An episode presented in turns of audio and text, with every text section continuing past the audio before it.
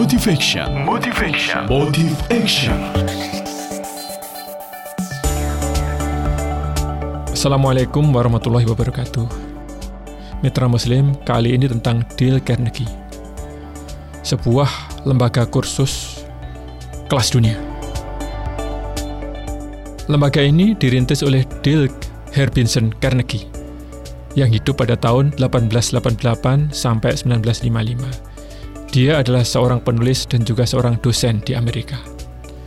Carnegie memulai program kursus pada tahun 1912 dan kemudian berdiri sebagai perusahaan pada tahun 1954. Saat ini, dengan dipimpin oleh CEO Joseph K. Hart, kantor pusat di New York, Dale Carnegie mempekerjakan lebih dari 2.700 trainer di seluruh dunia.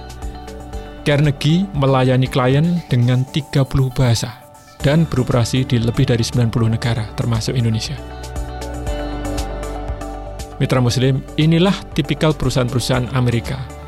Mereka fokus pada satu kompetensi inti, fokus satu bidang, dan kemudian berekspansi secara global, memompakan uang dari seluruh dunia bagi kesejahteraan dan kejayaan bangsanya. Mestinya kita juga bisa.